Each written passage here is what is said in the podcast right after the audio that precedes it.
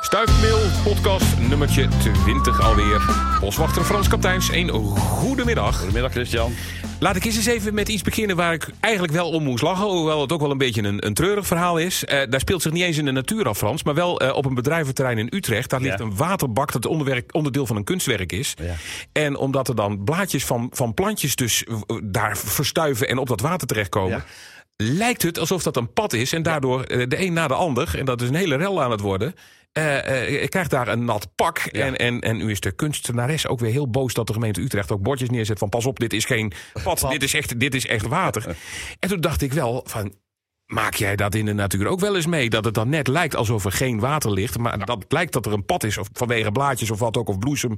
En dat mensen dus eigenlijk gewoon dus eh, ongelukjes in de natuur hebben. Ja, dat, dat gebeurt. hè. Als, als, als, kijk, als er een hevige regenval is geweest en alles loopt echt vol, dan kunnen sommige paden, die, dan, dan lijkt net of dat niet even diep is, maar dan kun je best wel tot je knieën in zo'n pad wegzakken. Of, wat nog erger is, als je zeg maar over een weiland loopt of even van het pad afgaat, dan, eh, ja, dan kan het zo zijn dat, ooit, dat je weet dat ooit een klein plasje is geweest, Ja. dat er plotseling een plas is van een meter diep. Dan eh, ga je er ook heel wel to- top op in.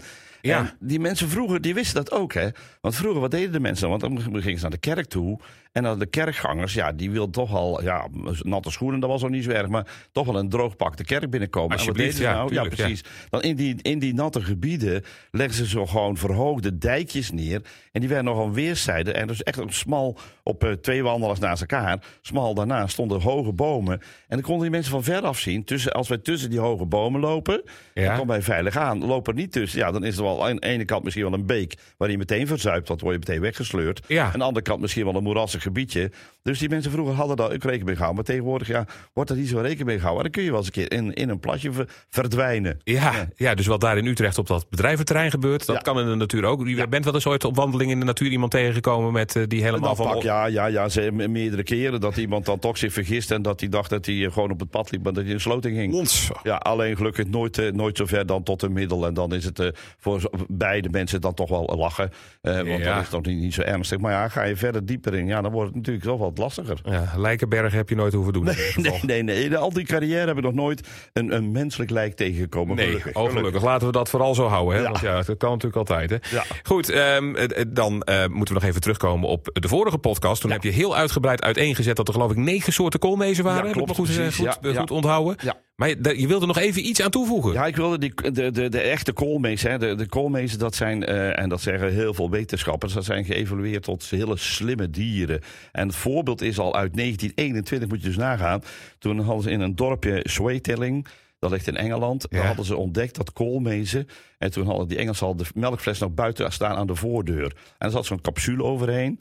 Eh, maar die koolmezen hadden het voor elkaar gekregen om die capsule open te maken. En die, want daar- stond er wel echt een volle melk. Dus op bovenin zit dan lekkere vette room. Ja. Was voor die koolmezen natuurlijk heerlijk. Dus die hebben dat allemaal opengebroken. En dan zul je zeggen, ja, hoe gaat dat dan verder? Want binnen mum van tijd was in heel Engeland... alle melkflessen die voor de deur stonden... die werden geopend door de koolmezen. Door de koolmees. En dat komt natuurlijk omdat de koolmezen in groepsverband werken. En de een kijkt van de ander af. En de een die het uitgevonden heeft, Aha. heeft het zo doorgegeven aan de andere. En binnen mum van tijd was heel Engeland was ont, ontcapsuled, om het zo maar te zeggen. En zaten ze melk uit te drinken. Maar de rest van Europa ging ook gewoon door.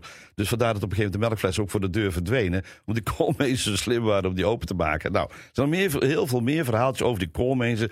Hoe slim ze zijn. En als je dan in de evolutie tot slot kijkt, is het ook een klein beetje logisch. Want de vroegere vogels die eerder geboren zijn in de evolutie, dus eh, langer geleden geboren zijn, dat zijn spechten en zo kunnen bijvoorbeeld ook niet zingen. En de andere vogels, de zangvogels, kunnen bijna allemaal zingen of zingen allemaal. En die zijn ook veel slimmer. Dus je ziet in de, eh, de loop van de evolutie dat de vogels slimmer aan het worden zijn. Dus dat is wel heel grappig. Ja, ja, ja. En dat liedje No Milk Today van Herman Hermits. Ja. eigenlijk, eigenlijk van de koolmees vandaan. Ja, dus. precies, volgens mij wel. Die zat er bovenop, die koolmees. Eh, een ander dier met een K. De kikker, waar je Ja, ook even over praten. Dan denk ik altijd aan... eh, Well, Doctor, I see these strange creatures every time I say the word um, phenomena. Kermit. Kermit de kikker, Kermit de frog. Ja, ja. ja, maar ja, als je naar Kermit kijkt, dan is het echt typisch zo'n mooie eh, bruine kikker. Want zo kun je het in feite wel zeggen. is Kermit een bruine kikker? Ik vind Kermit echt zo'n mooie bruine kikker. Hij is toch groen? Eh, ja, maar dat, eh, kijk, pas op hoor. Want sommige bruine kikkers zijn best wel groen. Eh, dus je moet ook passen in de kikkerwereld. Nou, het is heel, da- daarom eh, wil ik het er eventjes over hebben. Want veel mensen die, die beginnen al... Ik heb een groene kikker gezien nu al. Dat is, ja, dat is een beetje lastig. Kan makkelijk hoor. Want er zijn, er zijn heel veel kikkers die zijn niet eens in winterslaap gegaan. Maar als je een groene kikker ziet met bruine wangen... dan kun je Ja. heel goed zien. Dat zijn mooie bruine vlekken. Dan is het een bruine kikker. Kan ook nog eens een heikikker zijn, maar die zijn vrij zeldzaam. Dus ik gok op dat eerder een bruine kikker is. Nou, in die wereld van de kikkers... moet je even terug en over de, over de wereld... zitten ongeveer 8400 soorten eh, amfibieën. En van die 8400 soorten amfibieën bestaat de groep kikkers met 7400, 7400 soorten als grootste in aantal. Dus er zijn veel minder amfibieën dan eh, andere amfibieën dan dat er kikkers zijn. Nou, ehm, eh, als je kijkt in ons land, dan zijn er niet zo heel erg veel. Eh, want je kent van die verre landen wel die bekende films van die boomkikkertje waar de Indianen dan gif vandaan slepen. Ja, ja, uit, ja, enzovoort, enzovoort. Nee, wij beginnen met de bruine kikker. Dat is een, een bruine kikker is een middelgrote kikker die heel kenmerkend bruin is, maar dus ook richting groen kan evolueren. Maar aan zijn wangen kun je hem altijd kennen. Hij heeft een mooie bruine vlekjes aan weerszijden van zijn wangen zitten. En dan weet je meteen dat de bruine kikker is. Het is ook de kikker die het eerste eh, zeg maar wakker wordt eigenlijk in feite. Die het eerste gaat paren. En die hoor je bijna niet.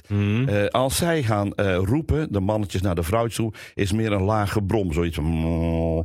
Dat hoor je dan alleen maar. En dat komt natuurlijk omdat alle plassen nog open zijn. Er zitten geen waterplanten op. Dat is helemaal open. Dus voor de vijanden van die bruine kikker zou het makkelijk zijn als die beesten heel veel lawaai maken. Want dan zien ze ze ook meteen zitten.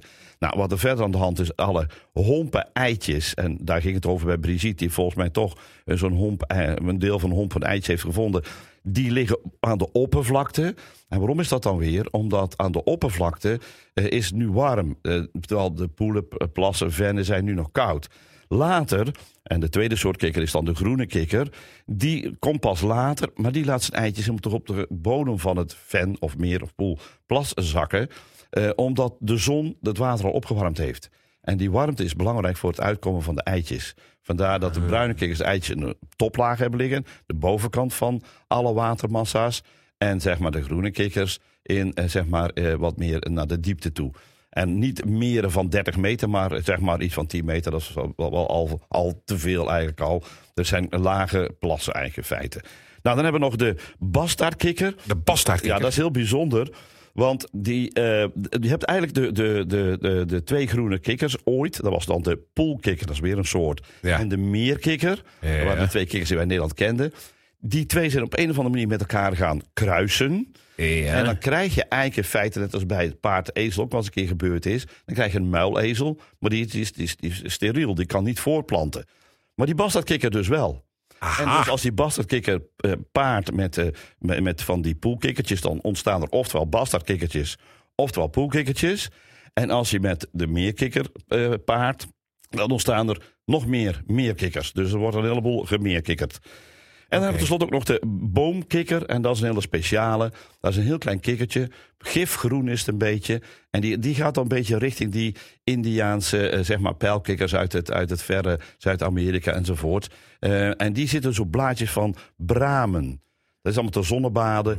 Eh, ze leven ook in poelen. Maar het zijn allemaal poeltjes met veel vegetatie. Omdat het hele kleine kikkertjes zijn. Die worden ook zo gepakt door allerlei beesten. Dus ze hebben dus zoiets eh, liever nogal wat vegetatie. En in de zon zitten ze de zonne op braamblaadjes. Dus zo klein zijn ze. Oké, maar daarna gaan ze er ook nog de bomen in, want dat moet toch wel, anders zou ze niet zo heten, toch? Ja, dus sommige kikkers gaan wat hoger in zo'n boom zitten, maar niet echt helemaal boven in de boom, want het heeft niet zoveel zin.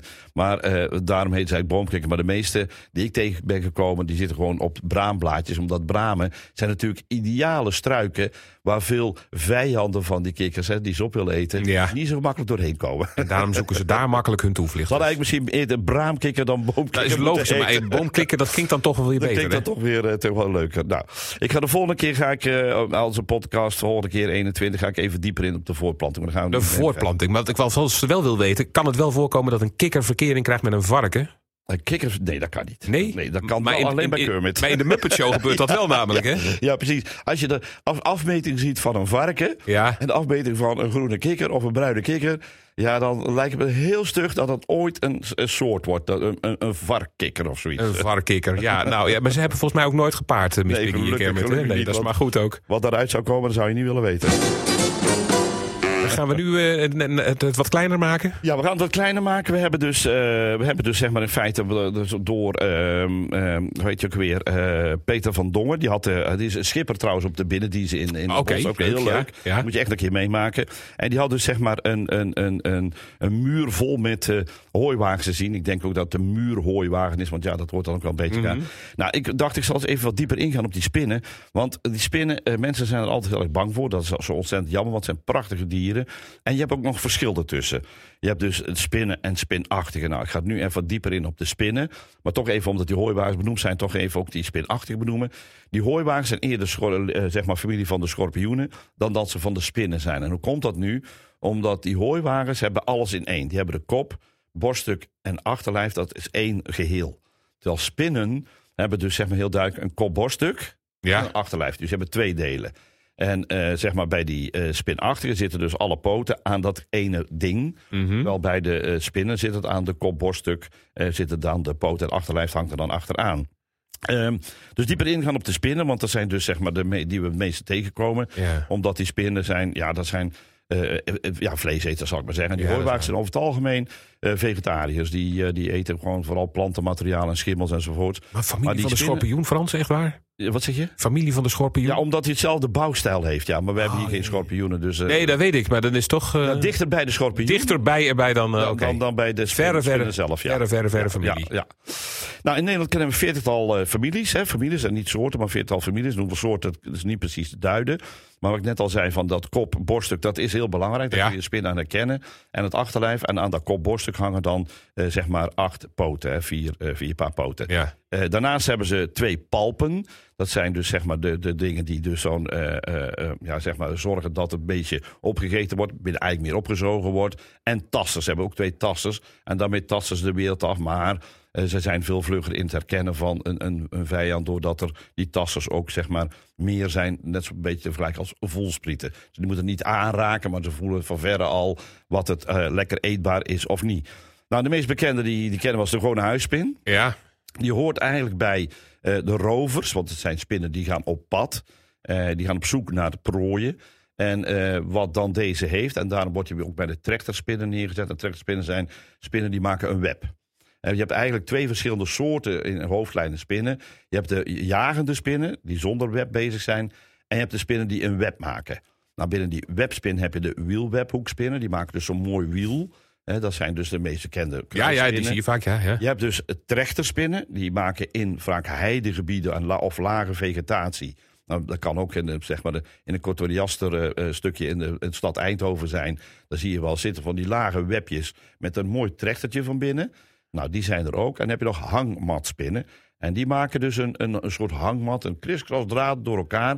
En onder de hangmat hangt dan zo'n spin om zo'n vijand naar beneden toe te trekken. Of zo'n zo'n prooi naar beneden toe te trekken. Dat zijn eigenlijk de, de drie, zeg maar, eh, webbouwende spinnen. De rest zijn allemaal jagers. En die zijn heel verschillend. Er zijn erbij die eh, lopen heel snel. Er zijn erbij die doen camouflage, de chameleonspinnen.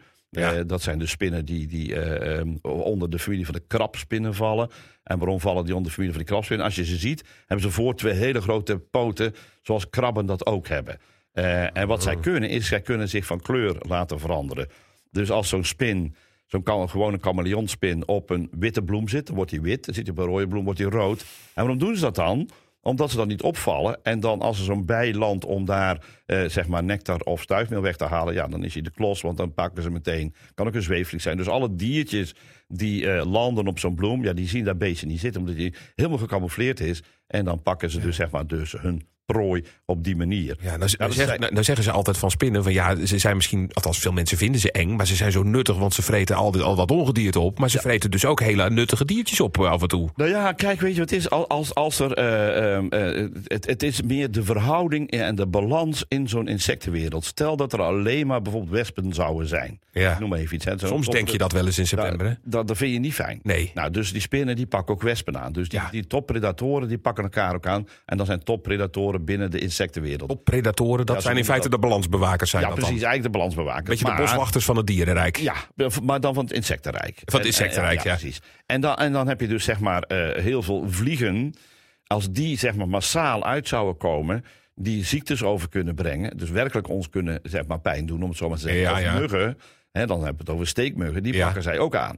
Ja, Dus, eh, en, en, en dat doen dan wespen, dat doen dan spinnen. En dan, om dan niet alleen maar wespen en spinnen over te houden, eh, pakken ze elkaar ook aan. Dus ik heb een hele mooie balans in zo'n wereld. En dat kun je ook zien, hè, want op het moment dat er minder prooien zijn, dan heb je ook minder wespen. En er zijn dus jaren bij dat je gewoon minder wespen hebt. En over het algemeen kun je bijna zeggen dat het een soort curve is. Dan heb je dus zeg maar heel veel eh, zeg maar, eh, eh, eh, spinnen, of sorry, wespen of spinnen gehad dan, dan, is er, dan is er dus te weinig prooi meer over. Dan komen het jaar erop minder. En dat jaar erop hebben we weer veel, omdat die andere beesten hebben kunnen ontwikkelen. Komen er weer veel. komen zij weer terug. Ja, precies. En zo krijg je een mooie golfcurve door eh, eigenlijk de insectenwereld en elkaar toch inderdaad een beetje in balans houden. Oh, En dat is natuurlijk altijd heel erg mooi. Want die spinnen zijn sowieso nuttig, omdat ze ook nog eens een keer eh, schadelijke en ja, voor ons hinderlijke dieren kunnen opeten. Dus laat ze zitten. Ja, soms is dat moeilijk. Ik snap dat wel hoor. Want ik ook. Als je op de muur zit of zo in zo'n hoekje dat je denkt van... Ja, dat, weet je wel. Maar Ja, dat probeer ze te laten zitten. Ja, nou ja, eigenlijk, eigenlijk is dat het allerbeste. Want ja, uiteindelijk, weet je, uiteindelijk, eh, eh, ik, ik heb eh, ook regelmatig spinnenhuis. Mijn vrouw is niet altijd met mij eens. Nee. Maar ehm, ja, je ziet bij ons veel, veel minder muggen. Nee, dat scheelt ook omdat ik een notenboom heb. Maar als er, een keer, als er een keer een mug doorheen komt, dan heeft de huisspin hem zo te pakken. Dus ja, dan denk ik bij mezelf, zie je hoe fijn dat is. Want ik zit onder bultjes elk, eh, elk zeg maar, eh, zomerperiode. dus het is toch wel zo'n prettig gevoel. Ja, nou, En, en weet is- je, ze zitten ook vaak in hoeken en zo. En, ze en de meeste hebben ook al die grote huisspin, die leeft ook vrij vaak over, over, eh, over in de nacht. En overdag kom je ook bijna nooit tegen. Dan komt hij alleen maar tegen als hij toevallig op een verkeerd plekje zat waar in één keer het licht aan gaat. Ja, dan schieten ze in één keer tevoorschijn, want dat willen ze niet hebben. Dus. Goed. Tot zover de wereld van de spin. Ja. Eh, doen we nog even één diertje? Ja, Kort? de mol, hè? De mol. Ja, de mol. Hubert. Ja, Hubert. Ja. Alleen die kan niet zo ver onder de grond kruipen, denk ik. Nou, dat Tot een eh, meter- onderschat, tot een meter, onderschat eh. hem niet. Hij, heeft, eh, hij, hij, hij, hij vliegt ook in een helikopter, dus misschien kan hij ook wel onder de grond komen. Ja, ja, als je- ja, ja, maar dan moet je dan met zijn tanden doen. Dat is dan heel uh, dieptegraaf. Want één meter, keer eh, je met kunt tot eh, 1 meter, 1 meter 20 kunnen ze gangen maken. En dat is toch wel leuk. En dan zie je die, die gangen, die zie je dus niet. Wat je wel ziet zijn molsopen. En dat is dus het materiaal wat ze dus eruit gooien. Die maakt hij wel overigens, maar niet die jij bedoelt. Ga Ja, precies, wou ik net zeggen. Dat zijn weer andere. En dan heb je dus zeg maar die, die, die mollen die, eh, nou, die kunnen echt binnen een uur kunnen ze zeg maar met een snelheid van, of een snelheid van een uur kunnen ze 12 tot 15 meter in één keer aan gang omzetten. Dat, hè, dus dat is aarde. En binnen eh, zeg maar een uur hebben ze 12 meter tot 15 meter ver gegraven. Zo. Nou, dat is echt heel snel. Ze hebben ook hele mooie graaf, zeg maar, poten, klauwen. Hoe je ze ook noemt, dat kun je ook heel goed zien. En ze hebben hele kleine oogjes. En mensen zeggen dat ze blind zijn. En ze zijn niet blind, maar ze zien heel weinig. Want dat is ook niet nodig. Want onder de grond heb je dat, die functie niet nodig. Nee. Ehm, wel op, als je boven de grond. En er zijn dus mollen die ook over de grond of naar boven te komen. Omdat zeg maar, het gebied te veel mollen komen te zitten. Dan krijg je een concurrentieslag. Dan willen ze weg.